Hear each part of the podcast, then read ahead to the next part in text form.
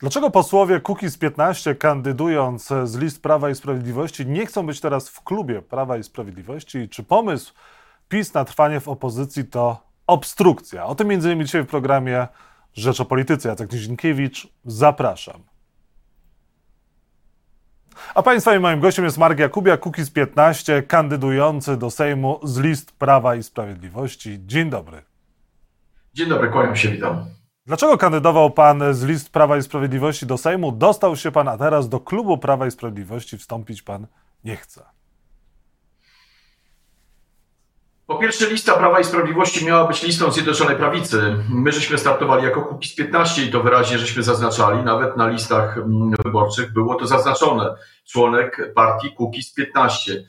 E, I tutaj e, e, wydaje się, że nie powinno być wątpliwości. No, Kukiz 15, ja używałem własnych, własnej retoryki w kampanii wyborczej, naszych własnych postulatów i dostaliśmy się do Sejmu dzięki naszej pracy. Przypomnę, że nas wyznaczono na miejsca praktycznie niebiorące, oprócz Pawła Kukiza i Jarka Sachajki. No ja dostałem ósme miejsce.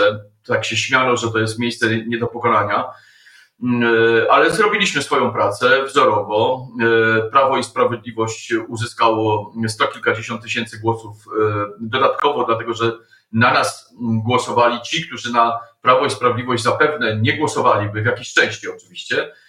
Natomiast my, panie redaktorze, chcieliśmy być w klubie Prawa i Sprawiedliwości, ale z dodatkiem oraz Zjednoczona Prawica. Po prostu nie damy, e, jakby nie możemy pozwolić sobie na to, żeby być z 15 i przypisać sobie konotację Prawa i Sprawiedliwości, bo Prawo i Sprawiedliwość oczywiście większość postulatów ma zbieżnych z naszymi, natomiast tylko większość, a nie wszystkie. E, I e, chcielibyśmy być tą wartością dodaną i wydaje się, że wydaje się, że będziemy prowadzili tą naszą politykę w sposób jasny i oczywisty, co e, myślę Kukiz 15 przyniesie same pozytywy. No dobrze, poszliście na małe, własne, ale ciasne. I co wy w takim razie teraz możecie zrobić jako trzyosobowe koło Kukiz 15 w Sejmie? Możecie się połączyć w przyszłości z Konfederacją na przykład? Będziemy prowadzić politykę. E, to, panie redaktorze, myślę, że pan za długo w polityce jest, żeby pan nie wiedział, że w polityce nigdy nie mów nigdy albo pewniki używane jutro mogą stać się rozczarowaniem. Więc ja e, mówię tak, że nasze mm, istnienie w polityce to jest, e, to jest e, bieżące działanie dla dobra wspólnego i jaki tego będzie wynik, zobaczymy. No ja będę starał się z Pawłem Kukizem oraz z Jarkiem Cachajko zbudować, odbudować Kukiz 15 z tych zgliszcz, które zostały po tych dwóch kadencjach. E, myślę, że e, jako jedyni możemy mówić o tym, że e, my mamy intencje szczere. Jeżeli my mówimy o tym, że trzeba znieść immunitety poselskie, jak trzeba demokracji bezpośredniej, no to mamy dowody na to, że to są bardzo potrzebne demokracji polskiej elementy. No ktoś o tym musi mówić, no więc my będziemy mówić. No chcecie odbudować ze zgliszcz Kukiz 15, ale to między innymi pan doprowadził do tych zgliszcz, ponieważ pożegnał się pan wcześniej y, z Kukiz 15, a teraz wraca na łono ugrupowania. Dlaczego pan się pożegnał i dlaczego pan wraca? Yy, trochę pan to przerysował, natomiast powiem tak, panie redaktorze, że oczywiście mam do siebie y, żal o to, ponieważ być może trzeba było walczyć do samego końca. E, te nieporozumienia, które powstały w Kukiz 15 z powodu między innymi e, e, innych celów stawianych przez różnych polityków, doprowadzały do tego, do tej rozbieżności. Ja przypomnę tylko, że wtedy w wyniku tej turbulencji politycznej wewnątrz naszego klubu, część posłów dzisiaj jest w Prawie i Sprawiedliwości, część jest w innych klubach, już co prawda nie posłami, tak więc my mieliśmy naprawdę ambitnych polityków i, e, e, i e, wartościowych. Mm, I bardzo mi przykro z tego powodu jest, że Kukiz 15 tej turbulencji w zasadzie nie przetrwał, ale spokojnie mm, odnoszę wrażenie, że dobrze robimy w tym przypadku i że wszyscy zrozumieli swoje błędy. Moja teza wtedy była taka, że jako klub posiadający 15% poparcia, bo wtedy tyle mieliśmy, powinniśmy założyć partię i prowadzić, e, potraktować partię polityczną jako narzędzie i prowadzić własną politykę podmiotową na rzecz e, demokracji bezpośredniej w Polsce. Co później się stało, bo Paweł Kukiz założył w końcu e, partię. Paweł Kukiz dalej trwa przy swoim przeświadczeniu, że nie będzie członkiem żadnej partii i mimo, że jest partia Kukiz 15, Paweł nie chce być członkiem tej partii, więc mamy tutaj pewien konstans. Cały czas Paweł jest taki sam, on się nie zmienia, co widzę, że scenę polityczną bardzo irytuje. Natomiast będzie pewnie prezesem kolorowym, czego, czego życzę oczywiście. Będziemy odbudowywać naszą partię z Pawłem Kukizem. A czy życzyłby pan sobie, żeby Mateusz Morawiecki był premierem przez kolejną kadencję? Czy Mateusz Morawiecki ma szansę stworzyć nowy rząd?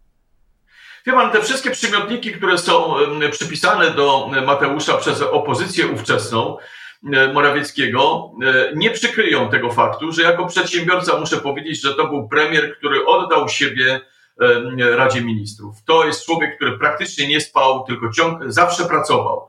Myślę sobie, że po drugiej stronie ja nie widzę takiego kandydata, który by poświęcił swoje życie prywatne, osobiste na rzecz godności sprawowania urzędu premiera. Po prostu nie widzę. No dobrze, ale czy stworzy rząd, czy to jest gra na czas? No nie mają większości, więc po co Mateusz Morawiecki teraz mówi o tym, że stworzy rząd, skoro to jest niemożliwe?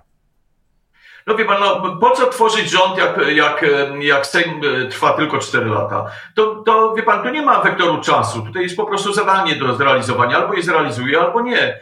Jeżeli nie zrealizuje tego zadania, no to wówczas będziemy mieli, e, e, mieli drugi krok konstytucyjny i prezydent powierzy tworzenie misji rządu parlamentowi. Myślę, że wtedy nie będzie żadnej okazji. Natomiast w związku z tym, że op ówczesna opozycja, a dzisiejszy, dzisiejsza większość rządowa tak bardzo krzyczała konstytucja, to tej konstytucji literalnie musimy przestrzegać. E, Prawo i Sprawiedliwość wczoraj też bardzo mocno głośno krzyczało w Sejmie. E, pomysł na trwanie Prawa i Sprawiedliwości w opozycji to obstrukcja? Nie, no dlaczego? E, panie redaktorze, no wczoraj mieliśmy przede wszystkim, należy to zaznaczyć, do czynienia z cudem prawdziwym dlatego że e, e, nowa KRS, czy tam neo-KRS, jak to pani Gasiu Pichowicz nazywała, od wczoraj jest legalnym e, i dobrze działającym i funkcjonującym KRS-em.